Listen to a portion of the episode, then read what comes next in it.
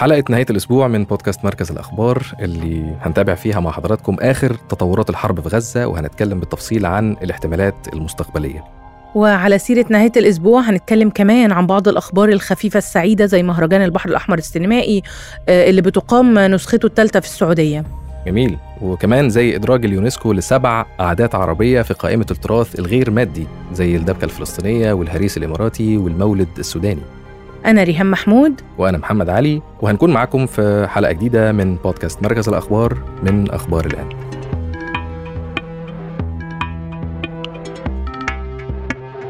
آه، في أول أخبارنا عندنا أن الحرب في غزة أتمت شهرين بالتمام والكمال ومنذ انتهاء الهدنة كثفت إسرائيل هجمتها على منطقة خان يونس. اللي بتقع جنوب قطاع غزة بزعم تواجد قيادات حماس في المنطقة.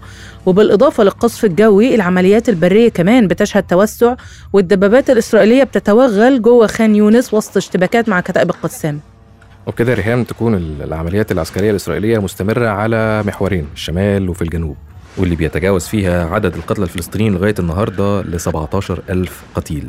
بس على الجانب الآخر آه، فغزة بدأت تدخل شوية من الوقود مع بداية الهدنة آه، وبعد كده انت كان انتهى تماما قبلها. وبس المجلس الوزاري الإسرائيلي المصغر وافق امبارح على آه، زيادة كمية الوقود اللي هتخش القطاع يوميا ضمن المساعدات الإنسانية. أوكي. طيب بما إنها حلقة نهاية الأسبوع فإحنا قدامنا فرصة إن إحنا ندردش شوية أكتر فكان عندنا فرصة إن إحنا نستضيف آه، الزميلة فادية بزي آه، من تلفزيون الجديد اللبناني. أهلا بحضرتك يا أستاذة فادية. أهلا بحضرتكم. يعطيكم العافية. يعطيك العافية يا رب. خلينا بس نبدأ بسؤال عن الوضع الإنساني إن بعد انتهاء الهدنة من أيام آه، ممكن توصف لنا تطورات الوضع الإنساني خاصة بعد دخول مساعدات إنسانية ووقود لقطاع غزة؟ يعني آه، أول شيء اسمحوا لي عبر آه، آه، مركز الأخبار الآن أن نوجه لكم تحية ولكم يعطيكم العافية. شكرا. وبداية لابد أنه نترحم على 16 ألف شهيد و... ونتمنى الشفاء لأكثر من 40 ألف جريح. والشهداء يعني للأسف أغلبهم من الأطفال ومن النساء. فهذا بيعطينا صورة واضحة عن اللي عم بيعيشوا قطاع غزة منذ 60 يوم. بس بحسب ما عم بنتابع على شاشات التلفزيون والفضائيات ربما عم تصلنا نصف الصورة على المعاناة الإنسانية اللي عم بيعيشوها أهل غزة بالشمال وبالجنوب. آه المعاناة الإنسانية لا تحتمل ولا, ولا توصف. آه القطاع القطاع الصحي ضرب. المستشفيات غير عاملة الاطقم الطبيه مستهدفة. صارت مقدمة تقريبا شيء 40 شهيد من أول الحرب لهلأ. المواد الغذائية ما في الأدوية ما في. صحيح إنه سمحوا بعد الهدنة يفوت مساعدات ولكن حتى باعتراف الأمم المتحدة وحقوق الانسان ومنظمات الأونروا وغيرها من المنظمات الدولية العاملة بقطاع غزة باعترافها هي قالت أنه آه، بالقطارة عم توصل المساعدات لغزة. حتى المجلس الحربي امبارح وقت اللي حكي عن زيادة دخول الشحنات من 60 إلى 120 هيدا آه كمان ما بكفي أهل غزة اللي محرومين والمقطوعين عن العالم وعن ال يعني المعاناة اللي عم بيعيشوها وشكل الدمار والاستهداف اللي عم يتعرضوا له آه، هيدي ما صارت بتاريخ بالتاريخ الحديث أقله يعني تاريخ البشرية ف آه، ومن أول الحرب وقت اللي طلع وزير الحرب الإسرائيلي يوقف جالنت قال إنه نحن نتعاطى مع حيوانات بشرية. فبمجرد هذا التوصيف يعني واضح آه، كم الهجمات الوحشية اللي عم بيخوضوها ضد الشعب الفلسطيني واللي عم بتأدي للمعاناة والخسائر اللي عم بيعيشها. فبقطاع غزة من أول يوم الحرب على هذا القطاع آه لم يكن هناك مكان آمن ولم يعد هناك من مكان آمن. آه فللأسف يعني نحن قاعدين عم بنراقب اللي عم بيصير لا نملك إلا أنه ننقل الوقائع وننقل الحقائق اللي عم بتصير على ومعاناة الشعب الفلسطيني وصمود الشعب الفلسطيني اللي متمسك بأرضه واللي هو آه، يملك كامل الحق بالدفاع عن نفسه وبالمقاومة ضد أي محتل. وهيدا الشيء آه، مثبت بالدستور وبالقوانين الأمم المتحدة بأنه أي شعب يحق له المقاومة ضد أي احتلال آه، بيحتل أرضه. فالشعب الفلسطيني عم بيخوض هلأ باللحم الحي. معركة الصمود معركة الدفاع عن الحق معركة الدفاع عن الأرض. صحيح فما فينا إلا ما نكون بجانب هيدا الشعب اللي عم بيناضل كرمال وجوده وحريته واستقلاله وحقه بالحياة مثله مثل أي شعب على وجه الكرة الأرضية تمام يا أستاذة فادية طيب لو رحنا شوية للحدود اللبنانية لأنه يعني التوترات على نعم. الجبهة الشمالية عند الحدود اللبنانية الإسرائيلية لسه يعني محدودة رغم تصاعدها في بعض الأوقات فهل نعم. حضرتك بتتوقعي بقاء الوضع كما هو عليه الآن في جنوب لبنان؟ آه يعني. إذا بدك الجبهة العسكرية وجبهة التهدئة ماشيين بنفس الخط على نفس الخط آه نحن بلبنان عانينا كثير من العدوان الإسرائيلي ومن الاحتلال ومن 78 وما قبل ال 78 1978 تتعرض القرى الحدودية تحديدا للاعتداءات الإسرائيلية. يمكن نحن عندنا حسن جوار مع فلسطين وسوء جوار مع الاحتلال الإسرائيلي. آه، الجبهة الشمالية لا, لا, لا تختلف عن الجبهة الجنوبية بغزة إذا بدنا نقيس بالجغرافيا يعني.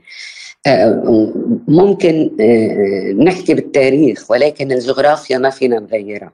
يعني لبنان فتح أو المقاومة بلبنان فتحت جبهة الجبهة الشمالية وقالت وبخطابات حزب الله والأمين العام آه، قالوا إنه نحن جبهة إسناد جبهة آه، قوة إسناد آه، مش أكثر لحديت الآن هذا الوضع أو ستاتيكو لا يزال قائم على الجبهة الشمالية.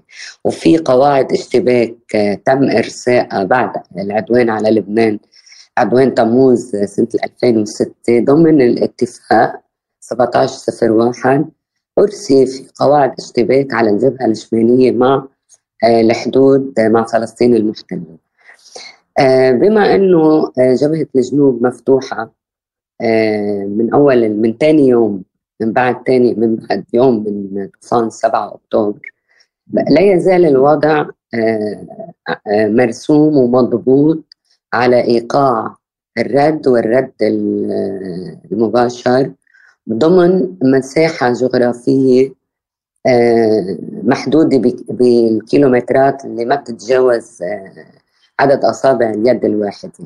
ولكن آه، الاحتلال الإسرائيلي تجاوز هيدي المعادلة بأكثر من مرة وبأكثر من استهداف. اليوم تحديدا عمل استهداف قصف مدفعي وعم بيقولوا إنه مني خبيرة عسكرية ولكن حسب ما سمعت بالأخبار أنه استخدمت بهذا الاستهداف آه، قذائف كثير قوية ومضادة للأنفاق ولل للطبقات السفلية اللي كثير تحت الأرض. بمنطقة أنا بعرفها يعني اسمها كونين اللي هي بالقرب من مدينة بنت جبيل اللي هي ضيعتي فهذه تبعد عن الحدود آه، أكثر من 8 كيلومتر. يعني الاحتلال اليوم آه، ضرب بعمق أكثر من المرسوم بقواعد الاشتباك أنه خمسة من هون خمسة من هونيك عن الحدود عم بحكي. إحنا فعلا بنشكر حضرتك جدا جدا يا أستاذة فادية على المعلومات الكتير دي وبنتمنى لك السلامة والمزاج الحلو كمان لأن واضح من نبرة صوتك كمان ان انت متأثرة كتير. تسلمي فعلا تعبانين من الشغل فعلا يعني وتعبانين ومتأثرين أكيد يعني والله يعينهم. والله ينصرهم لأنه دائما الإنسان ما في يكون إلا مع الحق ومع الإنسانية أو بالدرجة الأولى. يعني نحن إنسان بالنهاية فأكيد بدنا نتأثر. شكرا لكم ويعطيكم ألف عافية. شكرا. جزيلا ميرسي لحضرتك يا فندم. شكرا. شكرا أستاذة فادية صحفية من تلفزيون الجديد كانت ضيفتنا في مركز الأخبار من بيروت. شكرا جزيلا. عندنا برضو في أخبارنا أن القائد العالمي لتغير المناخ في منظمة اليونيسف التابعة للأمم المتحدة آه، جوتام نارسيميهان قال أن التغير المناخي بيهدد حياة مليار طفل وده تقريبا نص عدد الأطفال في العالم. يا نهار أبيض. ده كان على هامش مشاركته في مؤتمر ال- الأمم المتحدة للمناخ كوب 28 اللي في دبي. قال جوتم إنه الأطفال أقل قدرة على النجاة من الظواهر الجوية القاسية وأكثر عرضة للمواد الكيميائية السامة. والأمراض وتغيرات درج- درجة الحرارة. وتوقع طبعا إن 95% من الآثار الصحية لتغيير المناخ هيتحملها الأطفال اللي تحت سن الخمس سنين. مأساة.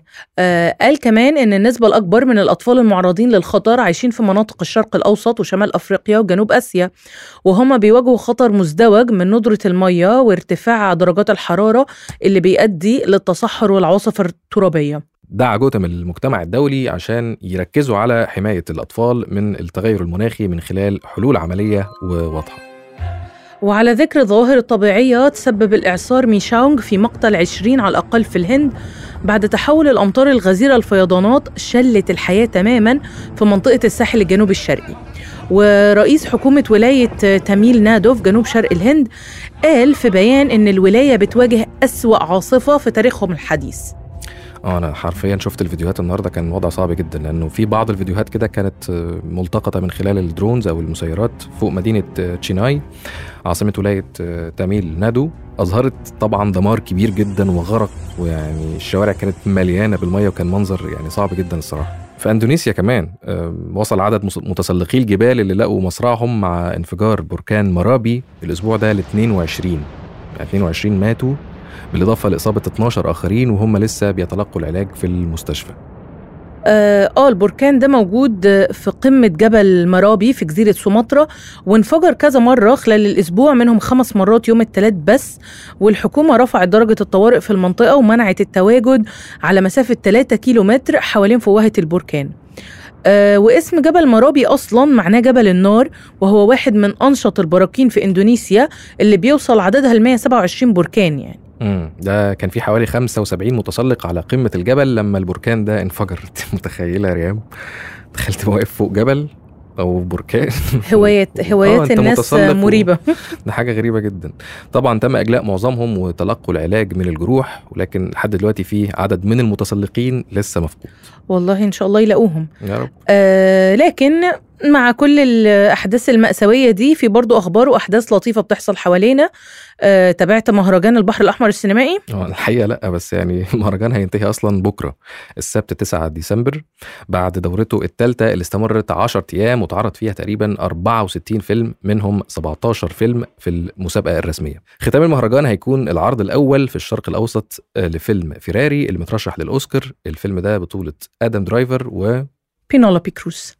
وكمان في جوني ديب هيشارك في المهرجان بفيلمه جان دوباري اللي اتعرض في افتتاح مهرجان كان بالإضافة لحضور عدد من النجوم العالميين زي ويل سميث وشارون ستون وكاترين دينوف بالإضافة لنجوم من تركيا والهند ومصر والعالم العربي.